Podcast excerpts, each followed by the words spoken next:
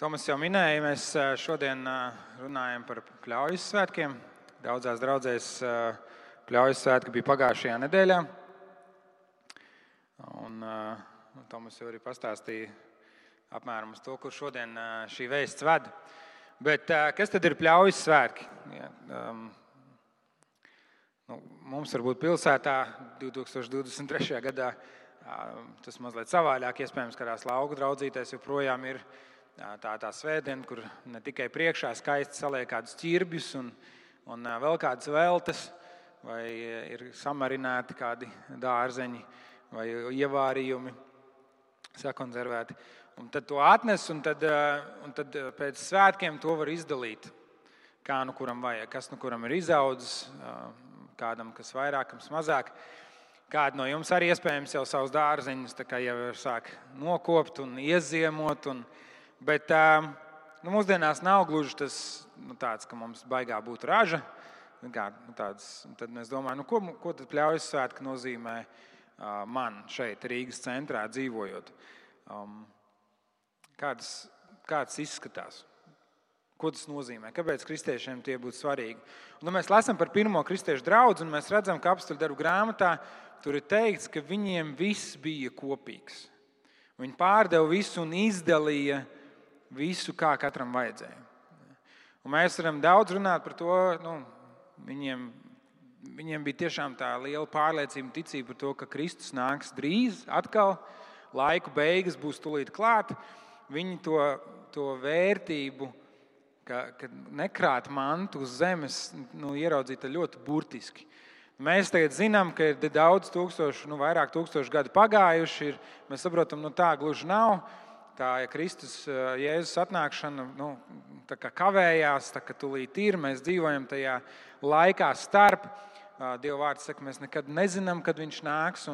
Mēs saprotam, varbūt tas nav gluži tas, kas mums tagad ir jādara. Viss ir jāpārdod. Mums, mēs varam piesaukt komunismu un dažādas citas sociālismu izpausmes un teikt, redziet, nu, ir jau mēģināts, ir jau darīts, tas nes tikai ļaunumu. Un tomēr mēs nevaram izvairīties no tā, ko raksta par to saka. Nu, raksta runā par mantu, raksta runā par, um, par, par īpašumiem, raksta runā par vērtībām, kas mums ir.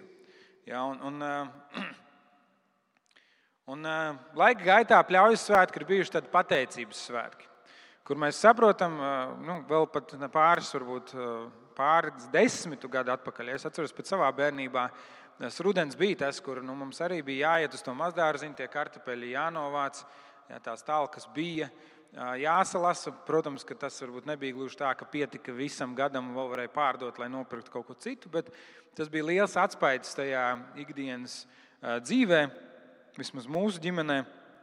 Un, un tad nu, pļaujas svētki būtu tas brīdis, kur mēs varam pateikties, pateikties Dievam par to, ka Viņš mums ir devis augļus, ka mēs varam ievākt, ka Viņš par mums rūpējās. Un, um, un, un tas ir tāds, nu, tāds ražas laiks. Ja. Un, uh, mēs saprotam, ka uh, tas nav gluži tāds ekskluzīvs uh, kristiešu pasākums. Šādi tipi svētkiem, tie, kas ir auguši um, un, un varbūt nav gājuši privātās skolās vai kristīgās skolās, noteikti ir piedzīvojuši Miķeļdienu kā obligāto skolas pasākumu, dažādi miķeļdienas tirdziņi, um, kur pērk un pārdod. Un, un tā, un, un, un reizēm liekas, nu, um, ar ko tad pļaujas svētki draudzē atšķirās no miķeļdienas.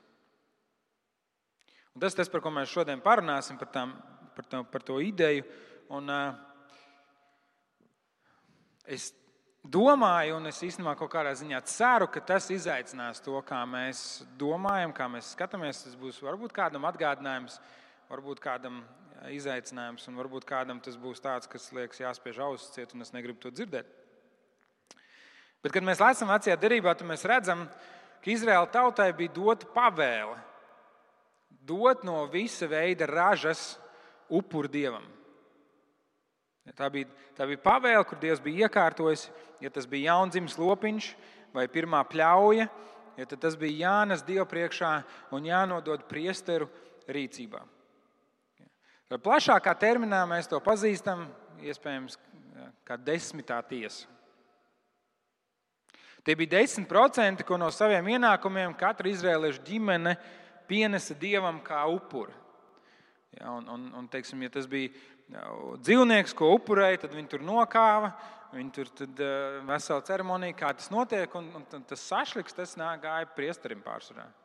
Bija kāds brīdis, kur upuri arī pats tas pienesējs varēja ņemt un ēst. Un Dievs bija teicis, tas ir tavs upuris, bet tu ņem viņu un ēd un svini Dievu priekšā.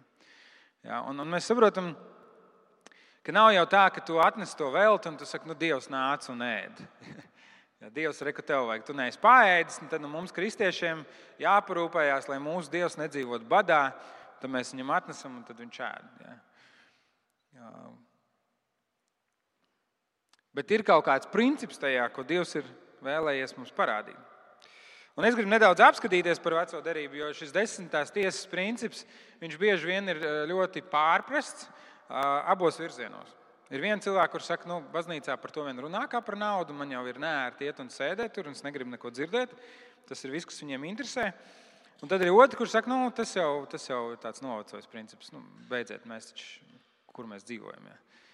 Um, tas, tas viss ir aizgājis. Un, uh, nu, mēs apskatīsimies, cik procentu bija jādod un, un kur tas nonāca. Un pirmais, pirmā desmitā tiesa, pirmais tāds, ko es gribu parādīt, ir, ka tas nonāk templī. 4. mūža grāmatā, 18. nodaļā, ir tādi panti, kur saka par to, ka ir desmitā tiesa, kas tika dota draudzēji, jeb Izraēla tautai, lai viņi varētu uzturēt kopīgu pielūgsmu, izglītošanu un misiju. Lai viņi varētu uzturēt šo upurēšanas sistēmu, šo priesteru sistēmu, tā bija garīga vadība. Ja, tad 4. mūža grāmata. Un redzi, Levija dēliem es esmu devis visas Izraēla dēlu dotās desmitās tiesas par mantojumu. Kā atlīdzība par viņu kalpošanu, ka tie kalpo sajiešanas teltī. Izraēla dēli sajiešanas teltī, lai vairs netuvojas jo tad tie būs sagrēkojuši un mirs. Lai levīti dara sajiešanas telts darbus un nes savu vainu. Tas jums ir mūžīgs likums uz paudzēm. Lai tiem nav mantojuma kā citiem Izraēla dēliem, jo visas desmitās tiesas, ko dod Izraēla dēlu par cilājumu upuru kungam, es esmu devis par mantojumu levītiem. Tādēļ es tiem teicu, lai tiem nav mantojuma kā citiem Izraēla dēliem. Tātad 10% katru gadu visu Izraēla tautu sanes un nodeva levītu rīcībā. Un Levīti bija, bija nu, teiksim, mūsdienās pilnlaika kalpotāji, kur bija nodevuši. Un tur bija dažādi. Tur bija priesteri, tur bija, um, kas rūpējās par, par sakramentāliem traukiem, kas rūpējās par templi, uh, par ziedojumu sistēmu, par vispārējo. Tur bija vesela sistēma. Un uh, Dievs saka, lai mēs to varētu uzturēt, jo mums tas ir svarīgi. Tas ir tas, kā Dievs tuvojās ar savu tautu. Jums jādod katru gadu 10%. Pēc tam bija otrais solis, bija svētki. Kas vispār man liekas ļoti interesanti, ka Dievs vecajā darbā pavēla svinēt. Tas kā likums. Jums ir jāsvin svētki. Jā, 5. mūža grāmata, 14. nodaļa, dod desmito tiesu no visas rāžas, ko lauks nes gadu no gada. Un ej to kunga priekšā tajā vietā, ko viņš izvēlēsies, lai liktu tur mājot savam vārdam. Vienu desmito daļu no tavas maizes, jaunvīna, eļļas, no lielopiem un no sīklopiem, lai tu vienmēr mācītos bīties kunga, savu dievu. Ja ceļš ir par tālu un tu nevari to aiznest, ja pārāk tālu no tevis ir vieta, ko izvēlēsies kungs tavs dievs, lai liktu tur mājot savam vārdam, kad kungs tavs dievs tevi svētīs, tad dod to sudrabā. Ņem sudrabu un ej uz to vietu, ko izvēlēsies kungs tavs dievs. Izdod sudrabu par jebko, ko tava dvēsele kāros par lielopiem un sīklopiem, par vīnu un stipru dzērienu, un ēd tur kunga savu dievu priekšā visu, ko tava dvēsele prasa, un priecājies kopā ar savu namu. Tātad 10%, ko tu dod priesteriem, un tad ir 10%, kas tev ir obligāti jāiztērē svētkiem. Ej un priecājies. Tur nav teikts, tu atdod to kādam projām, tur ir teikts, tie ir tavi 10%, bet tu ej un svini. Tu pārstāji strādāt, tu pārstāji domāt, tu ej un svini. Un, protams, tur bija noteikti kārtība, kas ir šie svētki un kā viņi tiek svinēti. Bet tur teikts, ej un svini. Ja. Līdzīgi kā sabats, kur Dievs saka, ej un atpūties. Tas ir kā likums, tev nekas nav jādara, tev man nekas nav jādod. Ej un atpūties, jo tas tev ir labi. Un te Dievs saka, ej un svini iztērēt desmito tiesu ej un svini. Un varbūt mūsdienās mums ir šis princips, kā labs atgādinājums. Varbūt nevajag visu to savu dzīvi vienkārši strādāt, strādāt, strādāt, strādāt. Ja neiegā, beigās nezinu, kam tu to strādā. Dievs saka, svini, svini svētkus. Un tad visbeidzot, vēl trešā, vēl viena trešā tāda kategorija ir kalpotājs, svešinieks, bērns un atraitne. 5. mūža grāmata, 14. nodaļa. Neaizmirsti Levītu, kas pie tevis, jo viņam nav savas daļas un mantojuma kā tev. Ik pēc trim gadiem dod desmito tiesu no visas savas ražas, kas tev tajā gadā bijusi, un noglabā tur, kur tu mīti. Tad lai nāk Levīts, jo viņam nav savas daļas un mantojuma kā tev, un svešinieks, un bērns un atraitni, kas mīt pie tevis, lai tie ēd līdz sātam, ka kungs tavs dievs svētītu visu, ko tu esi veicis, un visus tavus darbus. Jā, tad šeit ir 10% katru trešo gadu. Tātad gadā vidēji 3,33%. Jā. Un to tu dod svešiniekam, nabagam, atraitnei. Kādam, kuram nav tas, kas ir tev, kādam, kuram trūkst. Dievs saka, tu nedzīvo tikai sev, tu skaties arī apkārt un domā par tiem, kuriem pietrūkst. Un, ja mēs tā saskaitām, tad tur ir 23,33%, kuru Dievs ir pavēlējis lietot noteiktā veidā. Līdz ar to, ja mēs runājam mūsdienās, tie, tie 10%, tā desmitā tiesa jau patiesībā ir atlaide un atkāpe no tā, ko Dievs ir teicis. Un, manuprāt, mūsdienās mēs varētu izšķirt draudzē tādus eh, trīs dažādu tipu cilvēkus attiecībā uz došanu. Ja. Um, pirmie ir legālisti. Dievs teica 10%, tad es tā arī daru. Ja tagad mācītājs teica 23,33%, jāsavelk būs josta, tad es tā arī daru.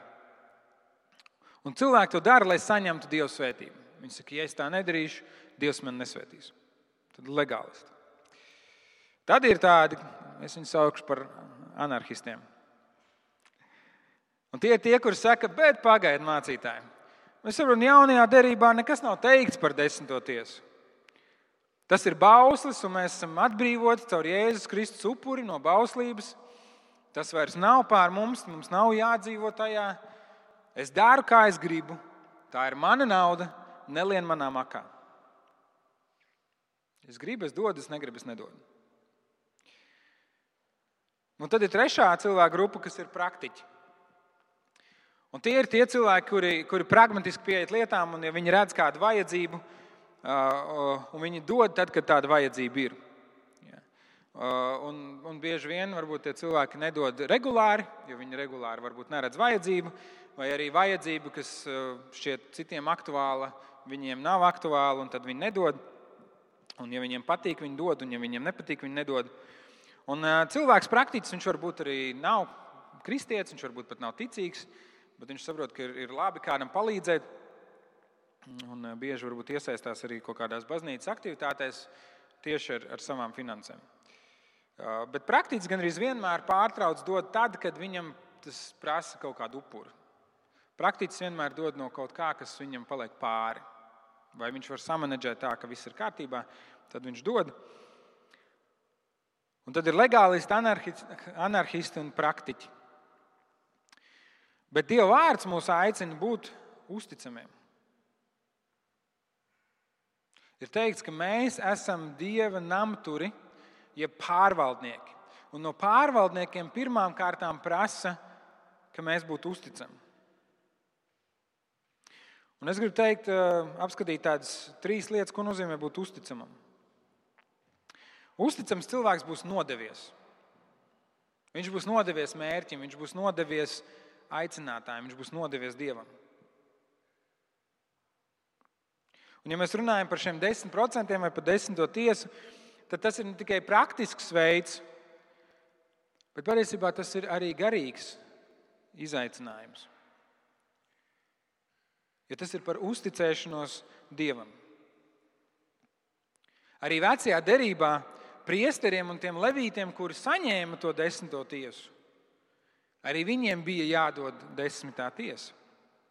4. mūsu grāmatā ir teikts, 18. nodaļā teikts, runā uz levītiem un saka tiem, kad jūs ņemat no Izraēla dēliem desmitās tiesas, ko es jums no tiem esmu devis par mantojumu, tad pienesiet no tām cilājumu upuru kungam desmito tiesu no desmitās tiesas.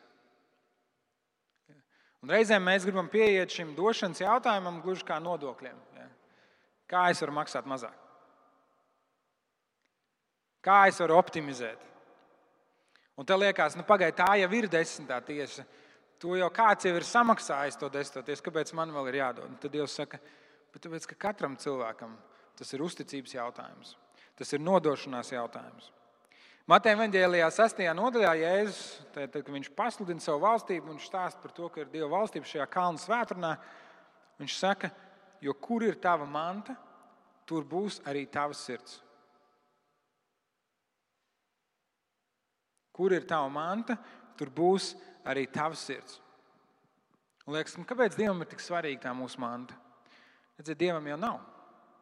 Viņam pieder viss, kas ir uz šīs pasaules.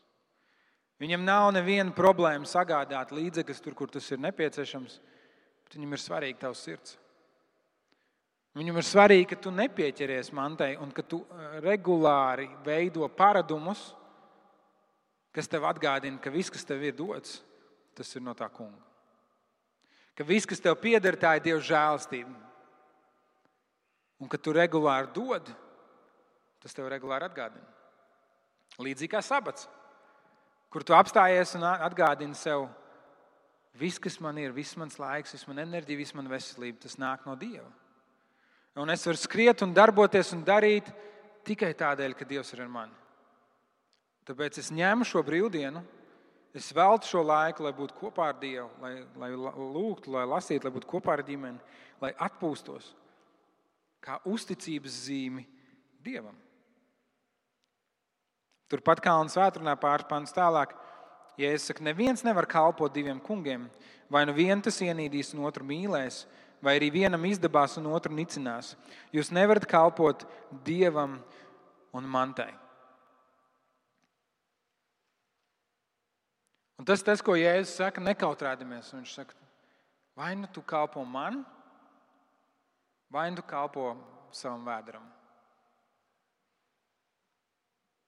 Un Jēzus apzinās, un liekas, ah, Jēzus, nu, tu esi bijis tāds, tā kā vaina, vaina, tu esi pārāk um, kardināls, tu esi pārāk melnbalts. Jēzus apzinās, ka tad, ja tu nekalpo viņam, tu kalpo kādam citam. Un viņš apzinās, cik bīstami tas ir tavai garīgajai dzīvei. Tu atdod savu pakļāvību, savu nodošanos kādam citam. Tad Jēzus saka, meklējiet vispirms Dieva valstību un viņa taisnību, tad jums viss pārējais tiks iedots. Jēzus saka, ne, es, es negribu tev atņemt visu. Atcerieties, Jēzum nevajag. Viņam pašam par sevi nevajag. Bet viņš grib, lai tavs sirds ir pareizā vietā. Viņš saka, tad, kad tu mani meklē, tad, kad tu meklē manu valstību, tad, kad tu vispirms rūpējies par manu valstību, viss tas, kas tev ir nepieciešams, tas tev tiks iedots.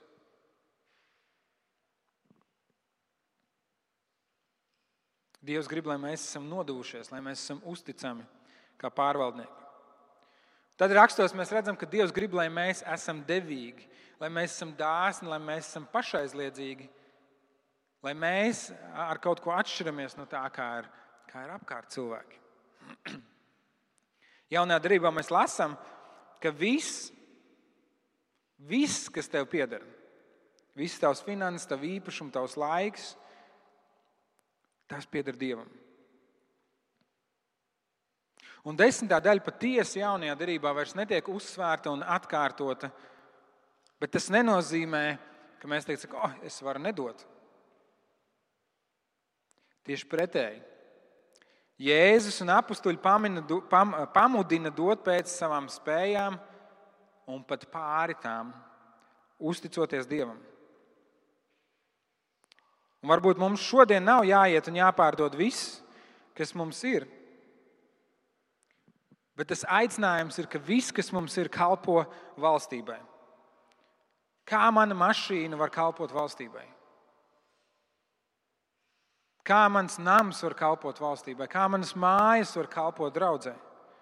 Kā es ar savām finansēm varu būt par svētību? Kā ar kādiem citiem īpašumiem, kas var būt noderīgi kādam, kā es varu kalpot valstībai.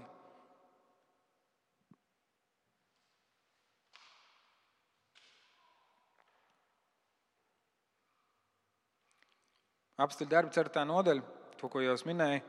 Ticīgo pulks bija viena sirds un dvēsele, un neviens neko no savas mantas nesauc par savu. Viss viņiem bija kopīgs.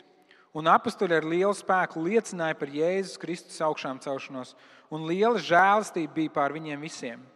Viņu vidū nebija trūkumcietēji, jo ik viens, kam piederēja zeme un nami, pārdeva tos un atnesa iegūto naudu un nolika pie apstuļu kājām. Un tā tika izdalīta visiem, kā kuram vajadzēja. Arī Jāzeps, viens no apstuļiem, Kiprā dzimis Levīts, saukts Barnaba, kas tulkojumā nozīmē mierinājumu dēls, pārdeva lauku, kas tam piederēja, atnesa naudu un nolika pie apstuļu kājām. Un, zamā, tā atslēga ir tajā, viņu vidū nebija trūkumcietēji. Lūks evanģēlijā ir rakstīts par to, kā Jēzus vēro cilvēkus, kuri dod. Pacēlis acis, viņš ieraudzīja, ka bagātiem met dāvanas tempļa ziedojuma traukām. Un viņš redzēja kādu nabadzīgu atraitni, kas iemeta tur divas nieka artavas. Un viņš sacīja, patiesi es jums saku, šī nabadzīgā atraitne ir ziedojusi vairāk par visiem. Jo tie visi ziedoja no savas pārpilnības, bet viņa no savas trūcības ziedoja visu, kas tai bija iztikai. Būt uzticamiem nozīmē arī pašaizliedzīgi rūpēties par to, kas ir dots pārvaldībā. Ko Dievs tev ir uzticējis, ko Dievs tev ir devis? Un mēs varam skatīties un liekas, nu jā, vienam Dievs ir devis vairāk, viņam ir jaunāka mašīna un foršāks telefons, un man ir mazāk. Kāda starpība? Dievs ir devis tev kaut ko. Vai tu esi uzticams ar to?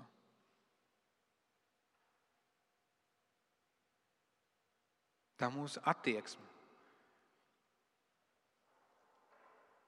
Tā mūsu attieksme. Vecajā derībā mēs lasām, un, eh, ja nemaldos, tas bija um, Habakuka un arī Nehemijas grāmatās, kur ir cilvēki, kuri Jeruzalemē, viņi Nehemijas grāmatā bija to, ka viņi ir atnākuši at, atjaunot to templi un aicinājumu, un ir pagājis kāds laiks, un Nehemija iziet, un viņi saka, jūs, ko jūs darat? Jūs katrs strādājat pie savas nama, pie savas mājas, pie sava pagalma, pie savas sēdes, pie savu, pagā, pie savu dārziņu un Dieva templis joprojām ir drupās. Un tas ir pēc tam, kad viņi bija izsūtījumā ļoti ilgu laiku, kur viņi bija izvesti trimdā, kur viņi bija cietuši šo apkaunojumu. Un Nehemija saka, vispirms uzceliet dievu namu. Viņš, kas ir ļāvis jums atgriezties šeit, uzceliet dievu namu, un tad redzēsiet, vai viņš jūs nesvētīs. Reiz kāds mācītājs stāstīja stāstu par viņu sarunu ar kādu draugu locekli. Un, šķiet, es šo stāstu esmu arī stādījis.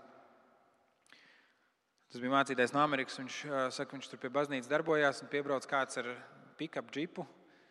Viņš saka, mācītāji, man ir labas ziņas. Es esmu nopircis sāls pļāvēju jaunu. Vecais mazliet niķojās, nestrādāja, viena riepa gandrīz krīt nost. Un, Bet es atvedu to veco, gribēju noziedot draudzēji, uzdāvināt draudzēji. Un tas mācītājs tā stingri uz viņu pastāsta un saka, Klau, nu, ja tu gribi ziedot kaut ko draudzēji, nu uzdāvināt draudzēji to jauno. Bet uh, metāla lūžņi ir tur tālāk. Un liekas, nu mācītājs nepateicīgs. Kā viņš tā varēja? Tas cilvēks pa brīvu gribēja kaut ko dot, kaut ko darīt. Bet es tajā sarunā atklājās tā cilvēka, nu, nav kur likt. Man mājās nav vietas. Nu, Aizdišu uz baznīcu.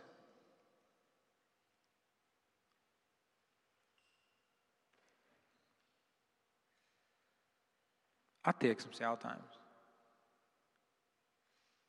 Reizēm mums ir tāda attieksme par Dievu. Gan jau kaut kā, nu, kaut ko atmetīšu. Kaut ko iedošu. Vecajā derībā dievam nedrīkstēja pienest no kokam bija kāda vaina. Tie upuri, liekas, nu kāda starpība, viņš tāpat tur sadegs. Ja? bet attieksme. Tam, tam dzīvniekam bija jābūt bez vainas, bez plankuma, bez ievainojuma. Tev jānes labākais dievam. Reiz ķēniņš Dāvids gribēja upurēt dievam. Viņš iet pie kāda, viņam tajā brīdī nebija. Viņš saka, es gribu no tevis nopirkt lopiņu, lai es varu upurēt dievam.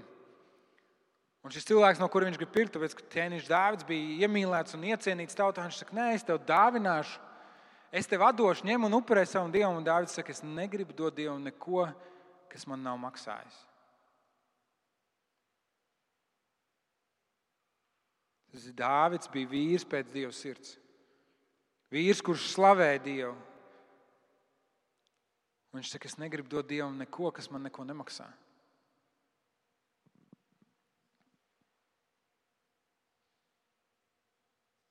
Dievs grib, lai mēs esam dāsni. Un kā namtur, Dievs grib, lai mēs arī esam patiesi. Apstākļu darba grāmatas 5. nodaļā ir šis notikums, tāds baisms notikums, kas, kas ir saistīts ar došanu un kas reizēm mūs biedē. Tur ir šis pāris, un viņi redzēdam, kā jau minēju, kad visi draugi sāk pārdot īpašumus, sāk pārdot lietas un nāk un ziedot dievam un draudzēji un izdala. Viņi saka, nu, mēs arī gribam tajā piedalīties. Viņi iet un pārdod šo īpašumu. Bet viņi redz, ka Tā ir liela summa. Un viņi daļu no tā ieliek sev kabatā, un viņi atnes un viņi saka, redz, mēs arī visu esam devuši.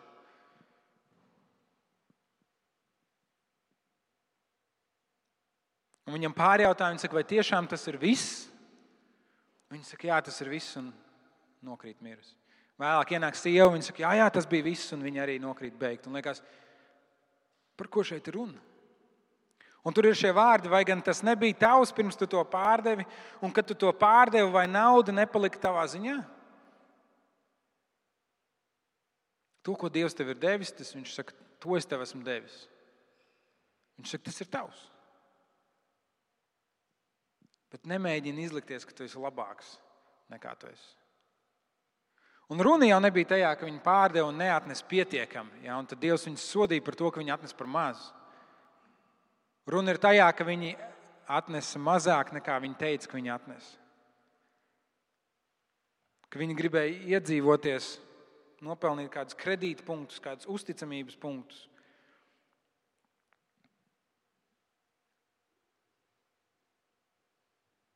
Un vai nav tā, ka draudzēm reizēm mēs labprāt izskatāmies pieticīgi?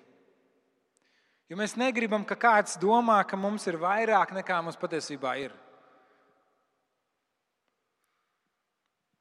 Es taču arī nu, gribu iederēties tajā. Un, un savukārt sabiedrībā mēs labprāt lepojamies ar saviem īpašumiem. Un mēs lepojamies ar saviem sasniegumiem, un mēs gribam, lai mūs novērtē par to, kas mums ir. Ka mēs neesam sliņķi un neveiksminieki. Un tad mēs mēģinām lavierēt starp šīm divām pasaulēm. Dievs grib, lai mēs esam patiesi. Otrajā vēstulē korintiešiem 9. nodaļā, ko mēs jau lasījām par šo Pāvila izaicinājumu Korintas draugai, kur viņš saka, dodiet, lai jūsu došana varētu būt par iemeslu cilvēkiem pateikties Dievam un viņu slavēt. Un viņš saka, tad nu redzi, kas skopi sēž, skopi arī pļaus, un kas bagātīgi sēž, bagātīgi arī pļaus. Katrs lai dod tā, kā iesaka sirds, nevis ar sarūktinājumu vai piespiedu kārtā priecīgi debēji, Dievs mīl. Dievs spēj jums dot pārpilnībā visādu žēlastību, lai jums visi būtu diezgan vienmēr un visur, un jūs būtu pārplūstoši dedzībā uz katru labu darbu. Priecīgi devēja Dievs mīl. Dievs negrib, lai tu viņam seko ar sakostiem zobiem.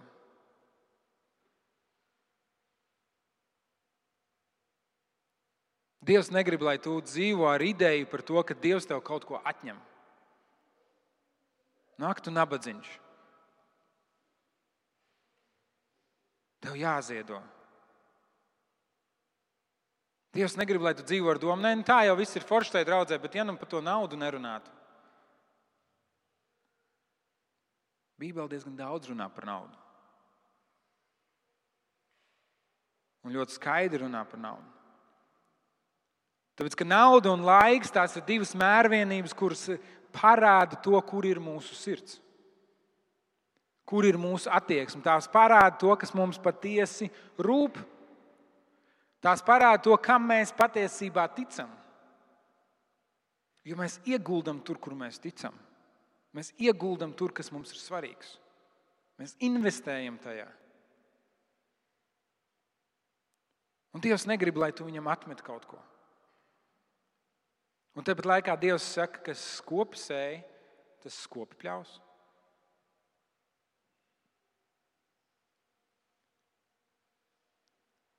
Un tad viņš saka šos vārdus. Dievs spēj jums dot pārpilnībā visādi žēlastību, lai jums visa būtu diezgan vienmēr un visur. Ka tad, kad tu dod un uztic Dievam, un pieņemsim, tie ir šie 10%. Citiem vārdiem sakot, Dievs saka, tev būs svētīgāka dzīve ar tiem 90, nekā tad, ja tu visu paturi sev. Un saprotiet, man pareizi, es nesaku, svētīgāk dzīve nenozīmē, Dievs tev svētīs, tev viss, viss būs, ko vien vēlēsies. Tas ir labklājības evaņģēlis, tas ir cits stāsts. Bet Dievs mums kaut ko ir uzticējis, un Viņš prasīs norēķinu no mums. Un vai mēs to Dieva svētību esam piesavinājušies un teikuši, tas ir mans? Vai mēs sakam, paldies, Tev, Dievs?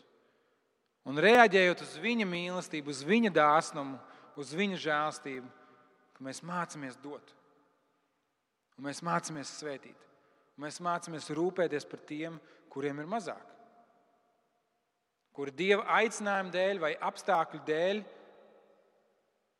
Nav situācijā, kur viņi var nopelnīt tikpat, cik tu. Došana nav glābšanas jautājums. Bet tas ir brieduma jautājums. Tas ir māceklības jautājums. Un, ja tu kādreiz dzirdi kādu sakam, nu, nedodot desmito tiesu, tu nenonāksi pie dieva. Vai tieši otrādi, ja tu dos desmito, tiesu, desmito tiesu, tev ir garantēta vieta mūžībā, tad diezgan droši šo cilvēku var ignorēt un neklausīties. Tā ir maldu mācība, tas ir, tas ir labklājības evaņģēlijs. Bet jo vairāk mēs iepazīstam Dievu, jo dziļāk mēs izprotam, ko Viņš mūsu labā ir paveicis, jo vairāk mēs ieraugam Viņa svētības savā dzīvē, jo skaidrāk mēs saskatām Kristus draudzes uzdevumu šajā pasaulē, jo vieglāk mums paliek dot. Jo vairāk mēs saprotam katrs savu atbildību, jo lielāka motivācija mums iesaistīties.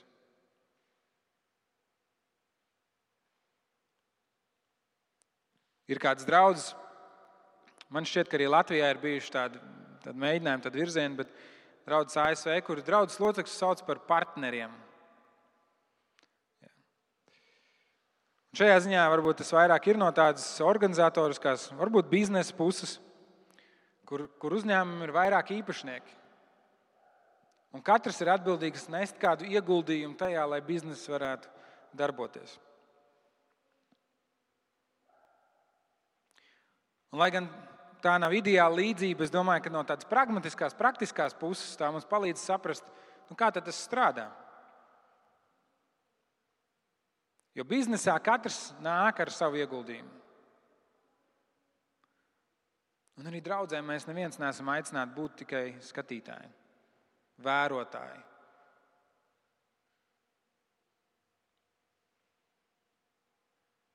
Katrs no mums esam dalībnieki. Un, protams, mēs nevaram salīdzināt kādu, kuram ir savs bizness, kas aug un plaukst, un tur ir liela ieņēmuma, ar, ar kādu, kas, ir, kas dzīvo no pensijas vai ar skolotāju. Kā jau teicu, tas nav par to, cik daudz tu iedod. Bet tas ir par to, kur ir tavs sirds. Arī Jēzus uzteica šo nabaga atraitni, kur iedeva divas kapeikas. Viņš teica, viņa ir devusi vairāk. Viņi ir sapratusi, ko nozīmē. Un varbūt viņi ir nonākuši tajā punktā, kur viņi saprot, nu, man nav citu variantu. Man nav citas izējas, kā vienkārši pilnībā nodoties Dievam, ka Viņš mani uzturēs. Un cilvēcīgi mums liekas, ka nu, mēs neviens negribam būt tajā punktā. Bet no ticības viedokļa, es domāju, tā ir tik svētīga vieta, kur atrasties kur tavs sirds var būt brīva, kur tu nepārdzīvo par to, cik ir tavā makā vai krājkontā, kur tu saproti, kāda starpība. Tā banka var bankrotēt, to maku man var nu, atņemt, bet es paļaujos uz Dievu. Viss, kas man ir, tāpat nāk no Dieva. Un tā ir tā svētība būt, būt tajā punktā.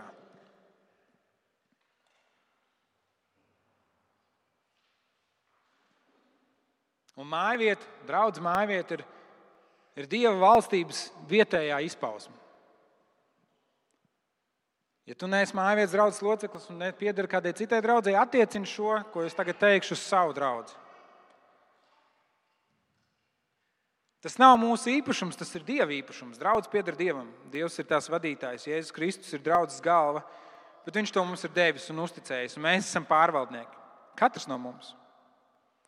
Un tāpēc mēs, kā draugi, mēs sagaidām, un arī draugs locekļu derības, kuras no janvāra katram no jums būs atkal jāizpild, aicina iesaistīties ar savu laiku un arī ar savām finansēm, ar savu klātbūtni, ar savām lūgšanām. Kad mēs izstrādājām iekšējās kārtības noteikumus, kur mēs rakstījām, viņi nav līdz galam apstiprināti, bet viņi joprojām tiek lietoti. Kad mēs domājam par draugu vadību, vismaz padomē, mums iekšēji ir šī noruna mēs katrs dodam 10%. Vismaz.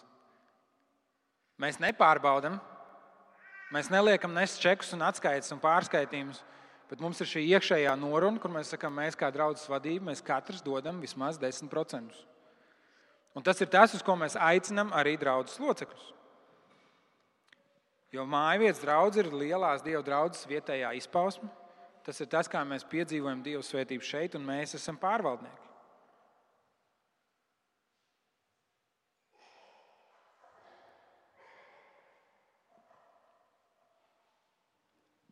Bet statistika liecina, un uh, precīzi varbūt jāpajautā Arthūram, kā draudzes priekšniekam, arī kā, kā ir mūsu gadījumā, bet evaņģēliskie kristieši pēc statistikas dod mazāk kā 3% no saviem ienākumiem draudzē.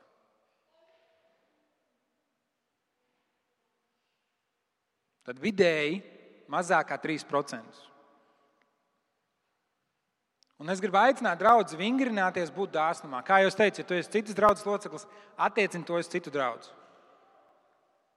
Ir forši, ja mums mājvietai veidojās budžets, tas ir svarīgi, bet man tiešām svarīgāk ir mūsu attieksme un mūsu sirds, kā mēs, kā kristieši, mācāmies būt uzticami tajā, kur Dievs mūs ir aicinājis. Un Dievs neapsola padarīt jūs bagātus, ja jūs tā darīsiet, bet Viņš apsola par jums parūpēties un jūs svētīt. Būt uzticamam, ja būt devīgam, patiesībā ir garīga disciplīna. Un mēs mācāmies to visu dzīves garumā. Mūsu došana, es pat varētu teikt, ir ļoti tuvu līdzīga mūsu lūgšanai. Jo lūkšana ir brīdis, kur mēs paņemam daļu no sava laika un sakam, Dievs, es pavadīšu to ar tevi. Es došu to tev. Ja, un, protams, ar laiku ir savādāk, jo laiks nekad nekļūst vairāk. Viņš ir tik, cik viņš ir. Naudu varbūt mēs varam nopelnīt vēl. Ja. Bet mūsu došana ir līdzīga. Tā ir garīgā disciplīna, kur mēs vingrinām savu sirdi, nepieķerties citām lietām, bet pieķerties Dievam. Un tieši tāpēc es gribu teikt, ka pļaujas svētki īstenībā ir sējas svētki. Mūsdienās tas ir tas, par ko mēs vairāk varam runāt, kas mums vairāk var atgādināt. Jo šeit mums arī nav ne ķirbi, ne, ne ievāriem burciņu, ko mums vēlāk izdalīt. Es tikai ar savu mīļo cielu viņu padalīšos. Paldies jums! Bet tie ir sējas svētki. Tas ir atgādinājums, kur mēs varam domāt par to, kā mēs sējam. Un, un vēstulē galotiešiem 6. nodaļā, no 7. panta, Dievs raksta, Dievs Pāvils raksta, es ticu, ka Dieva iedvests, nepievilieties. Dievs nekļūs par apsmieku. Ko cilvēks sēž, to viņš arī pļaus. Kas sēž savā miesā, tas no miesas pļaus postu, bet kas sēž garā, no gara pļaus mūžīgo dzīvību. Darīsim labu nepagurdami, jo savā laikā mēs pļausim, ja vien nepadosimies. Tad, nu, kamēr mums ir laiks, darīsim labu visiem, īpaši tiem, kas ticībā pieder pie mūsu saimes. Neturiet Dievu par muļķi. Tas ir tas, ko Pāvils raksta. Dievs nekļūs par apsmieku. Nemēģiniet Dievu apčakarēt. Dievs zina tavu sirdi.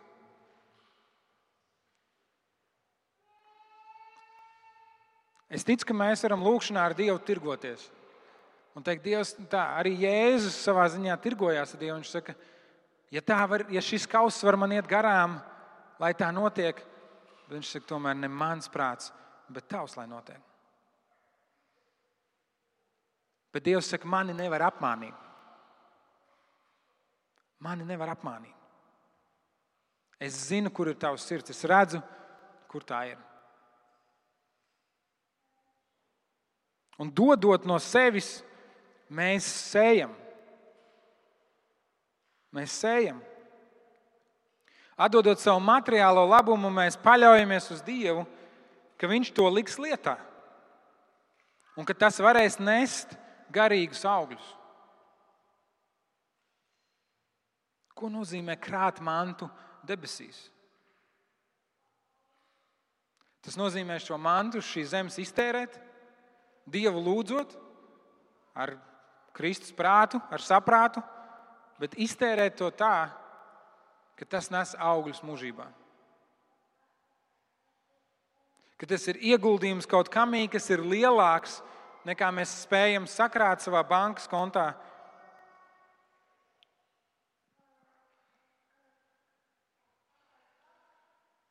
Kaut kas lielāks nekā tā mūsu darbība.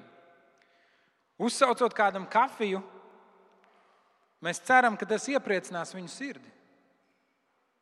Mēs saprotam, ka reizēm tā viena kafijas krūze, ka tā ir daudz lielāka vērtība nekā tā summa, kas, kas, kas, kas tev ir jāsamaksā.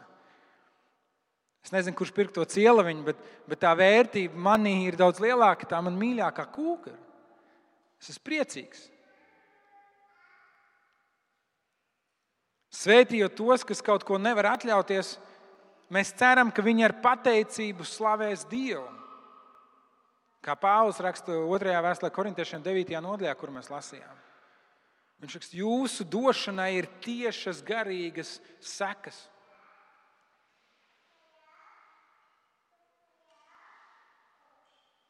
Pagājušajā gadā, kad mūsu ģimene devās sabatā, es atkal un atkal piedzīvoju to, kā kādu cilvēku dāsnums pret mums bija man pamudinājums manai pielūgsmai.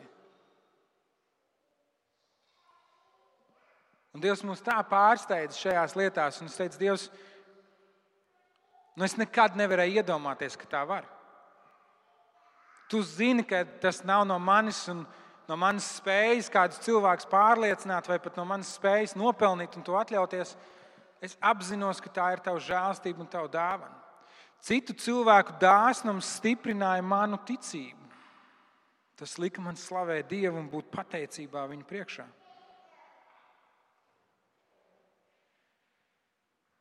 Un tāpat arī ziedojot draudzēji vai kādai kalpošanai, mēs ceram un paļaujamies, ka Dievs to lietos, lai evaņģēlijas varētu izplatīties, lai mēs kopā to varētu lietot Dieva valstības darbam. Un pļaujas svētki patiesībā mums atgādina par nepieciešamību sēt. Ko cilvēks sēž, to viņš arī pļaus. Un es gribu vienkārši trīs praktiskus soļus, lai vienkārši nav tā, ka es jūs te uzrunāju un pamudināju. Es gribu iedot trīs praktiskus soļus, ko Dievu lūdzot, jūs varat izpildīt. Un es gribu jūs izaicināt. Pirmais šis solis ir jautāt Dievam, kā tu vari būt uzticams. Kā tu vari būt uzticams? Dievs, šeit es šodien esmu, te ir mani īpašumi, te ir mana dzīve, te ir mana alga. Kā es tev varu būt uzticams? Nevis kā Tomas var būt uzticams, un nevis kā Miķels un Anita var būt uzticams, bet kā es varu būt uzticams. Ar to, ko tu man esi devis. Un tad, kad tu jautā Dievam šo lūgšanu, apņemies savā sirdī, apņemies savā sirdī paklausīt. Un ir svarīgi šī apņemšanās, jo reizēm mēs lūdzam, un Dievs ieliek kaut kādu domu mūsu galvām. Es biju domājis, nu, tā kā bišķiņa. Es nebiju gatavs, ka tu uz to man aicināsi. Es kādreiz um, vasaras beigās mēs runājām, mācījām, tad atkāpīt īsi. Mēs runājam ar mācītājiem par to, kā, kā, kā, notiek, kā nāk šis aicinājums reizēm nodoties Dieva darbam, kļūt par mācītājiem. Un, un itin bieži cilvēks nāca pie Dieva un saka, Dievs, šeit es esmu sūti mani. Nu, varbūt ar citiem vārdiem, citu domu. Un tad Dievs saka, labi, ej, kļūst par mācītāju. Viņš saka, pagaidi, pagaidi, nē. Es domāju, varbūt aizbraukt uz nedēļas Daugopilu, sludināt evaņģēliju, bet ne jau visu savu dzīvi dod Dievam. Es negribu jūs nobiedēt, bet es gribu jūs izaicināt. Apņemieties paklausīt. Saka, Dievs, to, ko tu man teiksi, to es darīšu. Tāpēc, ka es paļaujos uz tevi. Un tad trešā lieta ir seko praktiski savam lēmumam. Tu, ko Dievs tavā sirdī ir līdzis, ko tu no Dieva to esi saklausījis, seko praktiski savam lēmumam. Līdzdali to kādam cilvēkam, ja tu esi kopienā, pastāsti to kopienā, varbūt kādam draugam, pasaki, Dievs man šo uzrunāja, palīdz man būt uzticamam. Jo es zinu, ka rīt no rīta, šodien es gribu un es esmu gatavs rīt no rīta es sākšu domāt par visām tām citām lietām, kas man vēl dzīvē ir. Un es Dievam teikšu, pagaidi Dievs līdz algas dienai. Pagaidi Dievs līdz nākamajai nedēļai. Pagaidi Dievs šajā sezonā es to nevaru. Un liela daļa cilvēku, runājot par došanu, liela daļa kristiešu, viņi apņemās, viņi saka, jā, 10% ir ļoti labi. Bet varbūt tev tie ir 3%. Ja tu neesi kādu laiku devis vispār Varbūt tie ir 5 vai 7. Varbūt tie ir 15. Bet pieraksti to telefonā. Izveido atsevišķu kastīti, ja tu pārsvarā darbojies ar skaidru naudu, lietas aploksnē. Pārskaiti uz atsevišķu kontu. Lai kas tas arī būtu. Un nobeigumā es gribu teikt, Līdzīgi kā šī atraitne, kurai bija divas kapeikas, viņi tās deva un uzticēja. Tu vari Dievam dot arī tad, ja tev nav. Tev šķietam nav, un tev liekas, man nav. Un nav runa par to, ka tu atdod visu un tad cieti badu. Tāpēc es saku, tu lūdz Dievu. Tu zini, cik tev ir, tu zini, ko Dievs tur uzticējis. Tev nav nevienam jāatklāj summas, Tas ir starp tevi un Dievu. Izņemot to, ka es tev iedrošinu pateikt kādam, lai, kurš tev var izaicināt tajā. Bet es gribu teikt, ja tu esi situācijā, kur tev, tev ir vajadzība, Dievs māca mums uzticēt savas vajadzības viens otram. Un iespējams, ka tu esi posmā, kur tev nevis jādod, bet jālūdz pēc palīdzības. Un arī tas ir solis ticībā, Arī tā ir paļaušanās uz Dievu, kur tu esi atklāts un tu vari teikt, šajā, dzīvē, šajā dzīves posmā es redzu, ka es netieku galā. Un Dievs tev ir ielicis draudzē. Mēs vienmēr to sakām, un vienmēr reizēm ir bail. Bet līdzīgi kā bija ar palīdzību Ukraiņai, mēs kā draugi mums likās, mums nav ko dot. Ceļš pagājušajā gadā, kad tie rēķini bija milzīgi, mums nav ko dot. Bet tomēr mēs jūtam, Dievs, atveriet savus durvis, atveriet savu bankas kontu palīdzībai Ukraiņai. Tie, kas bija pavasarī, pilnspulcē, jūs atcerieties, ka es teicu, ka tas, cik mēs kā draugi caur savu darbību esam palīdzējuši Ukraiņai, ir divreiz, gandrīz divreiz vairāk nekā mēs kā draugi operējam ar savu budžetu. Nav tā, ka mums tā nauda kaut kur stāvēja, un mēs sakām, mēs tagad dosim, jo mums ir baigi daudz. Dievs vienkārši lika mums sirdī piedalīties tajā darbā, rūpēties. Mēs teicām, mēs to darīsim. Mēs nezinām, no kurienes nauda nāks. Mēs nezinām, no kurienes tā palīdzība nāks, un Dievs sagādāja. Un Dievs sagādāja vairāk, nekā mēs spējām iedomāties. Mums joprojām ir Aņa un Vaļa ar savām ģimenēm, kas mums mājo šajā ēkā. Un viņas mums kalpo patiesībā ar to, ka viņas ir šeit. Un Dievs caur to mūs svētī. Pat tiešām Dievs mūs svētī. Ar to es gribu teikt, ka reizēm mēs nezinām, no kurienes nāks atbilde. Un reizēm mēs nezinām, no kurienes nāks tas risinājums, kur Dievs ir līdz mūsu sirdī rīkoties. Bet tā ir tā mūsu solis mums ticībā, paļāvībā uz Dievu. Ja Viņš mūs kaut kur vada, ja Viņš mūs kaut kur aicina, ja Viņš mūsu sirdī kaut ko ieliek, tā patiesībā ir tā mūsu iespēja augt mūsu ticībā. Spērt šo soli un teikt, Dievs, es uz tevi paļaujos. Un tāpēc vai nu tas ir dot, vai nu tas ir lūgt pēc palīdzības, bet tu spēr šo savu ticībā.